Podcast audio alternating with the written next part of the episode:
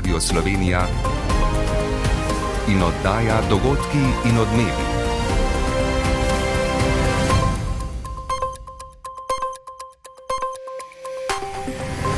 Ura je 15 in 30 minut.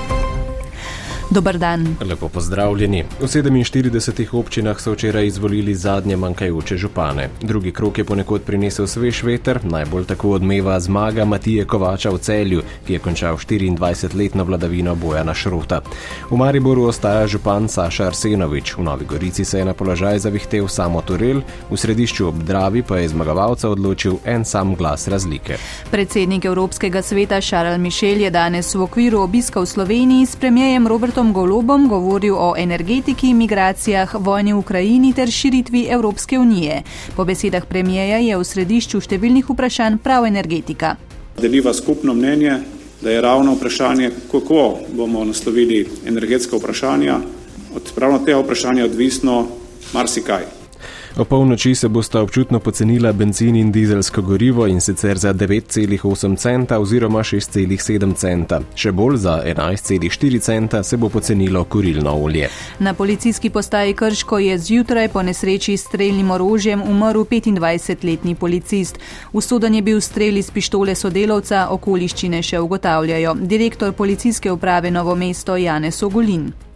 Mi vemo samo, da je prišlo do sprožitve strelnega orožja, zato bi res počakali do konca preiskave, ki bo potrdila, kaj je šlo res narobe. Na zahodu in v srednjem delu države bodo še občasne padavine, ki bodo do jutri zjutraj ponehale. Z vami sva Tomaš Polak in Ana Štraus. Končuje se tako imenovano super volilno leto, v katerem smo ponekod po državi odšli na volišča kar šestkrat poleg volitev tudi na referendume. Zadnje dejanje volilnega leta je bil včerajšnji drugi krok županskih volitev v 47 občinah. Lokalne volitve na Radiu Slovenija. Mesto Cele po 24 letih dobiva novega župana. Matija Kovač je predhodnika Bojena Šruta premagal skoraj 58 odstotki dobljenih glasov. Prispevek Matije Masnaka. Bo veliko stvari drugače, kot je bilo do zdaj. To se vedno nekaj spremeni, čist tak na voko je bilo. Na mladih je zdaj, kako se bo odvijalo, pustimo se presenetiti. Tako nekaj celjanov po zgodovinski noči v knježjem mestu. Po šestih mandatih se s čela občine poslavlja in z njim najverjetneje tudi viseči most Bojan Šrot. Na prestolu ga bo zamenjal svetnik levice v zadnjih dveh mandatih, arhitekt in kulturni menedžer 33-letni Matija Kovač. So celjani tu enostavno dali dovolj močen signal, da je čas za spremembe. Politike je tudi možnost, da se te ljudje preprosto naveličajo pa meni Šrot. Podpora mu je padala vse od leta 2006. Takrat je v prvem krogu zmagal z neverjetnimi 78 odstotki glasov, pred štirimi leti 56. Tokrat mu je v prvem krogu za zmago zmanjkalo manj kot 4 odstotke. Marsikateremu voljivcu se je zameril, ko je septembra na eni učol prvošolce pozdravil tudi v albanskem jeziku. Da je pred drugim krogom Kovača obtožil, da ni samostojni kandidat, ampak levice, se mu ni obrestovalo. Kovačev so se prelili glasovi ostalih treh kandidatov iz prvega kroga, privabil je tudi dodatne voljivce, prebudil je predvsem mlade. Šrot pa je dobil več kot 400 glasov, manj kot pred dvema tednoma.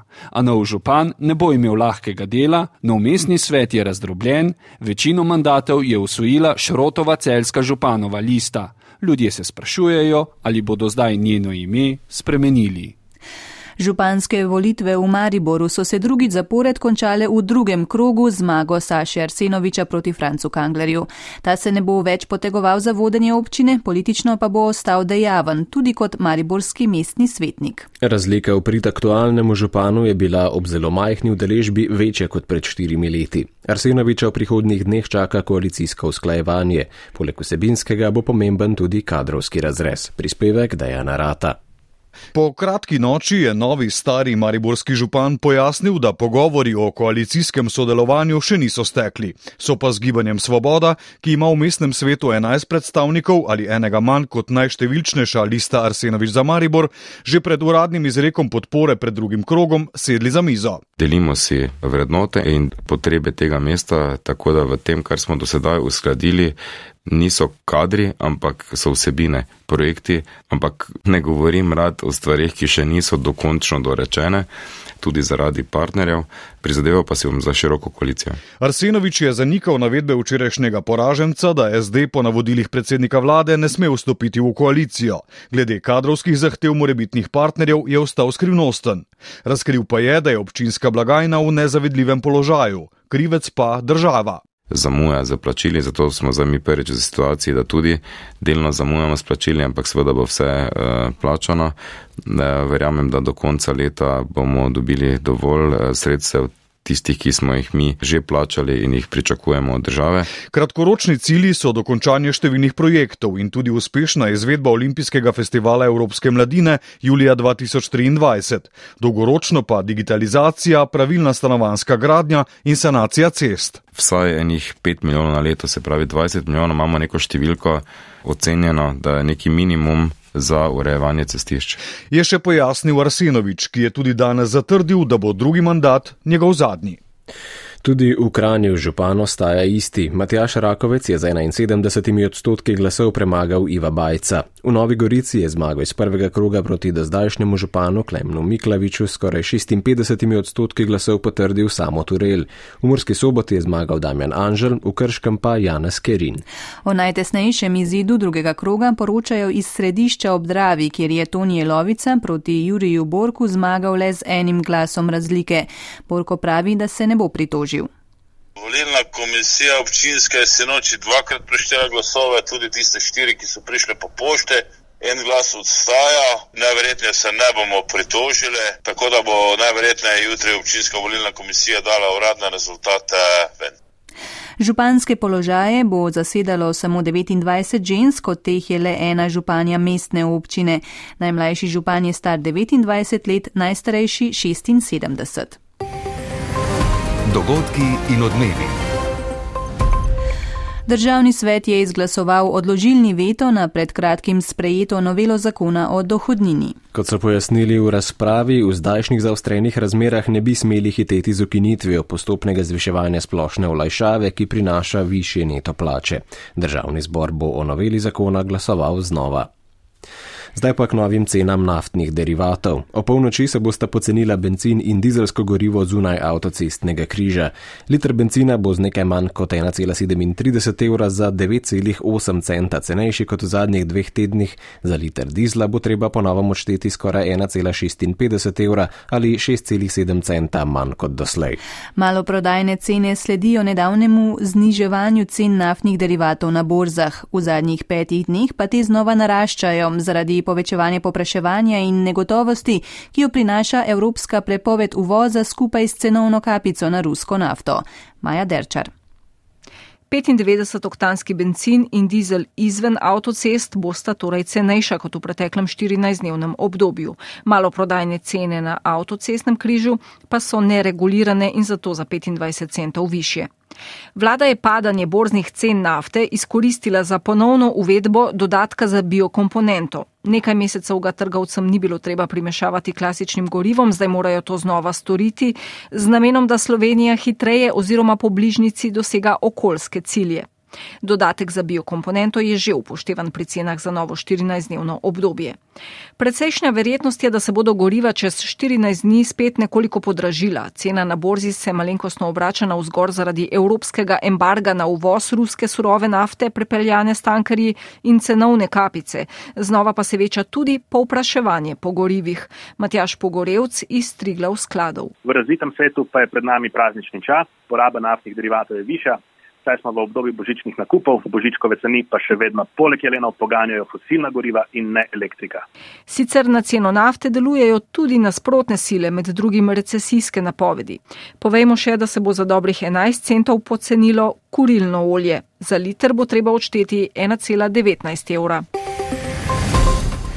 Odziv Moskve na evropsko prepoved uvoza ruske surove nafte bo ena od tem nadaljevanja dogodkov in odmevov. Energetika je bila tudi med osrednjimi temami srečanja predsednika vlade Roberta Goloba in predsednika Evropskega sveta Šarla Mišela, prav, ta, prav tako razmere na Zahodnem Balkanu. Kot boste lahko slišali, je regija v ospredju tudi zaradi imigracijskih poti.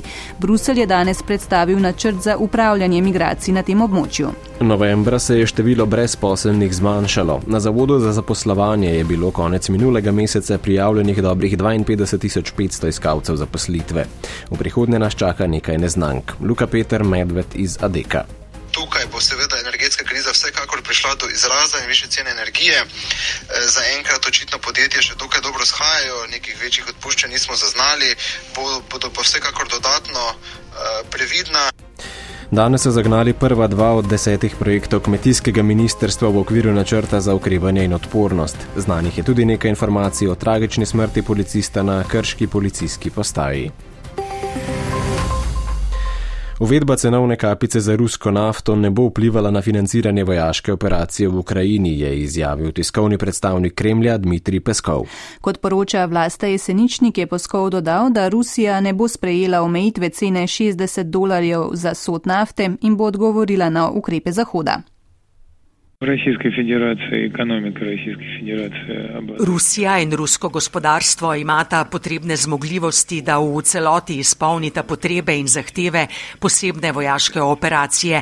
Je na vprašanje, ali bo uvedba cenovne kapice na rusko nafto vplivala na financiranje vojne v Ukrajini, ki jo Moskva imenuje vojaška operacija, odgovoril tiskovni predstavnik Kremlja Peskov. Evropska unija in države članice skupine G7 so pred dnevi dosegle dogovor o omejitvi cene ruske nafte na 60 dolarjev za 159 litrski sod. Rusija cenovne kapice ne namerava sprijeti in če bo potrebno, bo zmanjšala proizvodnjo črnega zlata. Ob tem v Moskvi opozarjajo, da Zahod s cenovno kapico ogroža lastno energetsko varnost in da državam, ki jo bodo uvedle, ne bodo dobavljali nafte. Ti ukrepi bodo vplivali na stabilnost svetovnega energetskega trga, je dejal Peskov. Zaradi sankcij Evropske unije danes je začela veljati tudi prepoved uvoza ruske surove nafte. Moskva išče nove kupce, predvsem v Aziji. Večje količine ruske nafte v zadnjih mesecih kupujeta Kitajska in Indija. Lani je Evropska unija iz Rusije uvozila za 48 milijard evrov surove nafte in za 23 milijard evrov naftnih derivatov. Stabilnost energetskega trga je bila ena od tem delovnega srečanja predsednika Evropskega sveta Šarla Mišela in premijeja Roberta Goloba na gradu Strmol. Sešla sta se pred jutrišnjim srečanjem Unije z Zahodnim Balkanom v Tirani in skorajšnjim vrhom Unije. Poleg energetike sta govorila o migracijah, Zahodnem Balkanu in vojni v Ukrajini. Srečanje je spremljala Sandra Krišel, ki je zdaj z nami. Lepo pozdravljena. Dobar dan. Kako enotna je Unija pri naslavljanju naštetih izzivov? Kot smo slišali, je številka ena ta čas energetika in posledično njen vpliv na gospodarstvo. Premijer Golop je podaril, da Uniji ostaja še veliko dela za dosego zastavljenih ciljev. Od tega, kako bo Unija naslovila to vprašanje, pa je po njegovem odvisna evropska enotnost, konkurenčnost in ne nazadnje življenje državljanov. Predsednik Evropskega sveta Mišel pa je dejal, da postavlja to na preizkus 27-terico. Ministri za energetiko bodo že te dni tako iskali operativne rešitve za to vprašanje. Premijer Golob pa je še povedal, da so stališča Slovenije večinoma usklajena z večino v Evropski uniji. V spredju je bil tudi Zahodni Balkan in s tem povezano vprašanje migracij, podelitve statusa kandidatke Bosni in Hercegovini ter vizumske liberalizacije za Kosovo. Kaj sta o tem povedala Golob in Mišel? Torej, po golobovih besedah je eden od glavnih razlogov za precejšnje povečanje migracij v zadnjem času prav neintegracija zahodno-balkanskih držav, zato je ponovil podporo Slovenije vizumski liberalizaciji za Kosovo ter podelitvi statusa kandidatke Bosni in Hercegovini. Poslušajmo izjavo premijeja Goloba glede migracij. Je ravno tako deliva stališče, da je harmonizacija viznih režimov na Zahodnem Balkanu ključna, nekateri premiki so narejeni in da bo treba ustrajati da se ta harmonizacija nadaljuje. Glede Bosne in Hercegovine si bo Slovenija po golobovih besedah še naprej prizadevala za napredek na ministerskem srečanju, v kratkem, sicer pa na vrhu Unije 15. decembra. Poslušajmo izjavo predsednika Evropskega sveta Mišela. Et comme cela a été indiqué, la question du, de la Bosnie-Herzégovine Ta pa ni mogel zagotoviti, ali bo to vprašanje, torej podelitev statusa eh, Bosni in Hercegovini na dnevnem redu Evropskega sveta, a je vendarle izrazil pričakovanje, da bi se to lahko rešilo že na ministerskem zasedanju. Kot je še dejal, pa želijo na jutrišnjem vrhu Zahodnim Balkanom v Tirani, ki se ga bosta oba udeležila države priti do skupne izjave, s katero bi regijo še bolj povezali z Evropsko unijo. Sandra, hvala in lep pozdrav na grad Strmol. Migracije so torej zaradi povečanega števila prosilcev za azil in nezakonitih prehodov zunanjih meja Evropske unije znova v ospredju evropske politike.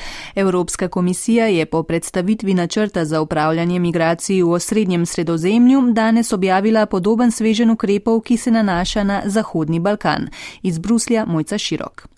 Povečanje nezakonitih migracij na zahodno-balkanski poti je po navedbah Bruslja posledica vizumske politike držav Zahodnega Balkana, Srbije, Črne Gore, Severne Makedonije in Albanije, kamor lahko državljani tretjih držav vstopijo brez vizumov, na to pa se odpravijo naprej v Evropsko unijo. Visa alignment Uskladitev vizumske politike je za nas nujna, je povdaril podpredsednik Evropske komisije Margariti Skinas.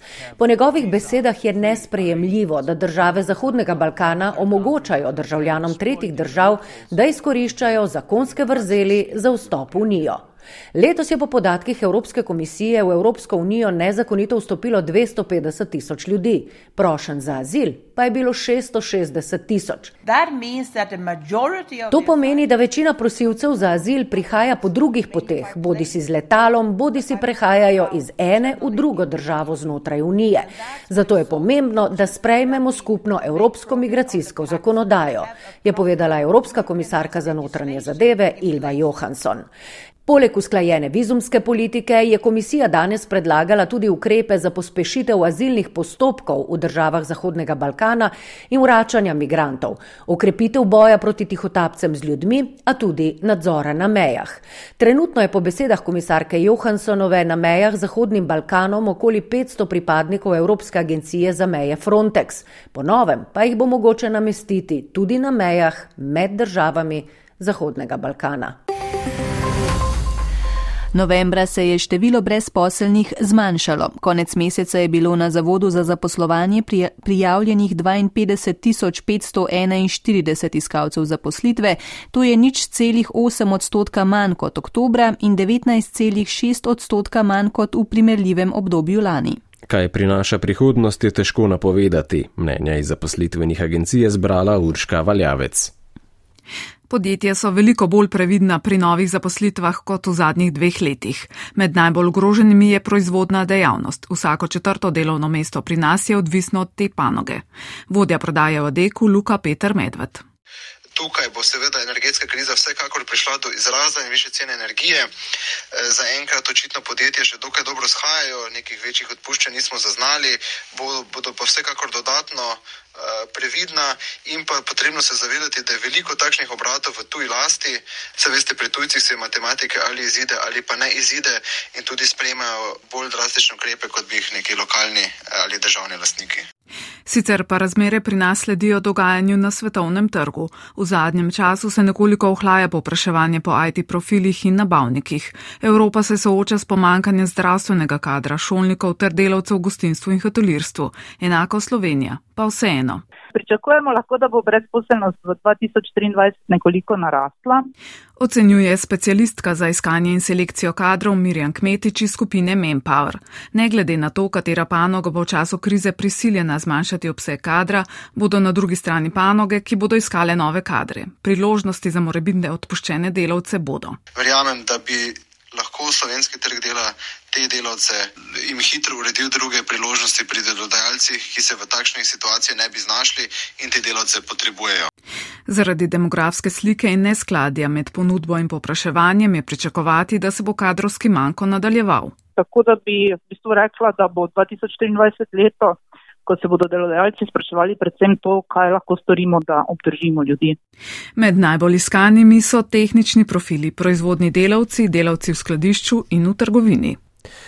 Danes so zagnali prva dva od desetih projektov kmetijskega ministrstva, financirana z evropskimi sredstvi v okviru načrta za okrevanje in odpornost. Kmetijska ministrica Irena Šinko je s predstavnikom Gozdarskega inštituta podpisala pogodbo za vzpostavitev centra za semenarstvo, drevesničarstvo in varstvo gozdov vredno 5,1 milijona evrov, s predstavnikom Zavoda za gozdove pa pogodbo za e-gozdarstvo vredno 10,1 milijona evrov. Več je nekaj drolec. Kmetijsko ministrstvo bo skupaj z organi v sestavi izvedlo deset projektov načrta za okrevanje in odpornost. Ministrica Irena Šinko. En projekt namenjen zelenemu prehodu, osem projektov je digitalna preobrazba in pa en projekt je dejansko pametna, trajnostna in pa vključujoča rast. Skupna sredstva znašajo nekaj 34 milijonov evrov. Državni sekretar Dari Krajčič, vodja projektov za okrevanje in odpornost na ministrstvu. Ključna zgodba pri tem načrtu za okrevanje in odpornost, za razliko od vseh drugih projektov, ki smo jih bili do sedaj vajeni v državi, je doseganje ciljev in doseganje menikov. Pri vzpostavitvi centra za semenarstvo, drevesničarstvo in varstvo gozdov na mestu sedanjega rastlinjaka Gozdarskega inštituta ne gre za nove zaposlitve, ampak za reorganizacijo dela, pojasnjuje Primož Simončič, direktor Gozdarskega inštituta Slovenije. Vse tri področja delno so povezana z obnovo gozdov, delno so povezana z varovanjem naših gozdov in vsebinsko so povezana s podnebnimi spremembami. Poleg vsega bomo imeli končno en prostor, ki bo ustrezal standardu nekega nacionalnega referenčnega laboratorija za ta področje. Projekt e-gozdarstvo je najobsežnejši izmed vseh z področja digitalizacije na tem resorju. Med drugim prinaša mobilne terenske enote. Gregor Danjev, direktor Zavoda za gozdove Slovenije. Prinaša reformo delovnih procesov zbiranja podatkov javne gozdarske službe in povezljivost teh podatkov z vsemi ostalimi podatki v državi. Časa za izvedbo vseh projektov v okviru načrta za okrevanje je malo, sredstva je treba izkoristiti do konca avgusta 2026. Na policijski postaji Krško se je zjutraj zgodila nesreča s streljnim orožjem, v kateri je umrl 25-letni policist z Ptujskega. Usoden je bil strel iz pištole sodelavca, policija podrobnosti ne navaja. Upletena sta se skupaj šolala in oktobra začela skupaj delati na policijski postaji Krško. Več Suzana Vahtarič. Trenutno poteka intenzivna preiskava vseh okoliščin dogodka. Direktor policijske uprave Novo mesto Janez Ogolin pojasnjuje, da se je tragičen dogodek zgodil nekaj prečesto uro zjutraj v garderobi policijske postaje Krško. Da je prišlo do sprožitve streljnega orožja, da je eden izmed policistov hudo ranjen. Poskušali so mu pomagati sodelavci, prišli so reševalci in žal smo bili ob 7 pa 12 minut obveščeni, da je naš sodelavec izgubil boj življenjem. Udeležen je 21-letni prijatelj preminulega 25-letnika, ki sta skupaj opravila dveletno šolanje in kot mlada policista s 1. oktobrom letos začela delati v Krškem. Vršilec dožnosti generalnega direktorja policije Boštjan Lindav. Kaj je šlo na robe, ta trenutek ne moremo povedati. Je pa dejstvo, da sta oba policista šla skozi usposabljanje, tako kot vsi policisti do sedaj globoko sočustvujemo s svojci in njim, prijateljem, sodelavcem nudimo vso psihološko pomoč. Lindav je odredil strokovni nadzor nad določenimi nalogami na policijski upravi Novo mesto, do prožen službenega orožja sicer prihaja, a tragični dogodek je prvi to vrsten v samostojni Sloveniji. Premijer Robert Golop in predsednik Evropskega sveta Charles Michel sta na današnjem srečanju nagradu Strmol osrednjo pozornost namenila energetski krizi. Kot je dejal Golop, je od tega vprašanja odvisno marsikaj, tudi ohranjanje enotnosti in konkurenčnosti Unije.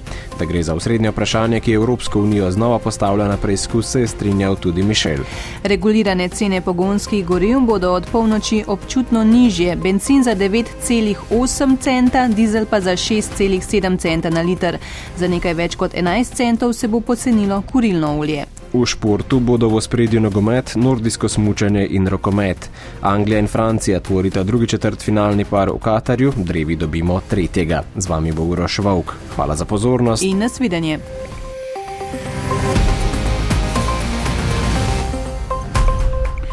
V Katarju bo drevi znan še tretji četrt finalni par, sinoči sta si vstop med osem najboljših reprezentanc turnirja priigrali Francija zmago nad Polsko in Anglija, ki je izločila Senegal. Že čez nekaj trenutkov se bosta v lov za četrt finalno vstopnico podali Hrvaška in Japonska, zmagovalec pa se bo v naslednji fazi tekmovanja pomeril z boljšim iz večernega dvoboja med Brazilijo in Južno Korejo. Več pa Marko Cirman. Francija in Anglija sta morda celo lažje od pričakovanj preskočili prvo oviro izločilnih bojev. Angleži so hitro odprli obrambo Senegala, francozi pa izkoristili napake v polski obrambi in na krilih dveh golov Mbappéja, ki je s petimi zadetki najboljši strelec turnirja, mirno napredovali v četrt finale. Prva para četrt finala sta nizozemska Argentina in Anglija Francija. Hrvaška bo igrala proti na tem prvenstvu eni najbolj taktično discipliniranih zasedb. Japonci so presenetljivo v družbi Španije Španije in Nemčije osvojili prvo mesto v skupini. Hrvaška od mundiala 1998 naprej nikogar v izločilnih bojih ni premagala po rednem delu. Selektor Dalič je naše južne sosede popeljal do finala v Rusiji, na poti do tja pa so Hrvati enkrat napredovali po podaljšku, dvakrat pa po 11 metrovkah. Zlatko Dalič. Mi našega protivnika Našega nasprotnika zares spoštujemo. Premagali so Nemčijo in Španijo, dva svetovna prvaka. Najpomembneje je, da brez podcenjevanja odigramo tekmo po svojih najboljših zmožnostih, na koncu pa se bo na igrišču videlo, kdo je boljši. A onda će teren pokazati ko je bolji. Ob 20. bodo favorizirani Brazilci igrali proti Južni Koreji, za katero se zdi, da je z uvrstitvijo v osmino finala dosegla svoj vrhunec na tem prvenstvu. Brazilci pa se veselijo povratka Neymarja, ki naj bi zacelil poškodbo gležnja. V sredo bodo slovenski rokometni prvaki celjani odigrali zadnjo letošnjo domačo tekmo skupinskega dela lige prvakov proti Elverumu, bodo lovili drugo zmago v deveti tekmi, pri dveh zmagah pa ostajajo tudi krimovke, ki so si noči v zadnji domači tekmi koledarskega leta popustili gostile v drugem polčasu tekme z danskim Odensejem o Ligi prvakin Marko Pangrc. Po tekmah sedmega kroga je najelitnejše tekmovanje na polovici uvodnega skupinskega dela. Gostovanje danskih prvakin je postreglo z izjemno tekmo, a z dvema povsem različnima polčasoma. Danske predstavnice v prvem niso bile kos izjemno razpoloženi domači vrsti, v drugem pa so gostje znale izkoristiti napake in s potrpežljivostjo in ustrajnostjo prišle do visoke zmage. Pred slovenskimi prvakinjami sta v tem mesecu še dve pomembni gostovanji, najprej v tem koncu tedna na Danskem, nato še pri francoskem Brestu. Francoske predstavnice so po osvojeni točki v gosteh pri nemških prvakinjah, rokometašice Krima tudi prihitele na tako želenem vsaj šestem mestu.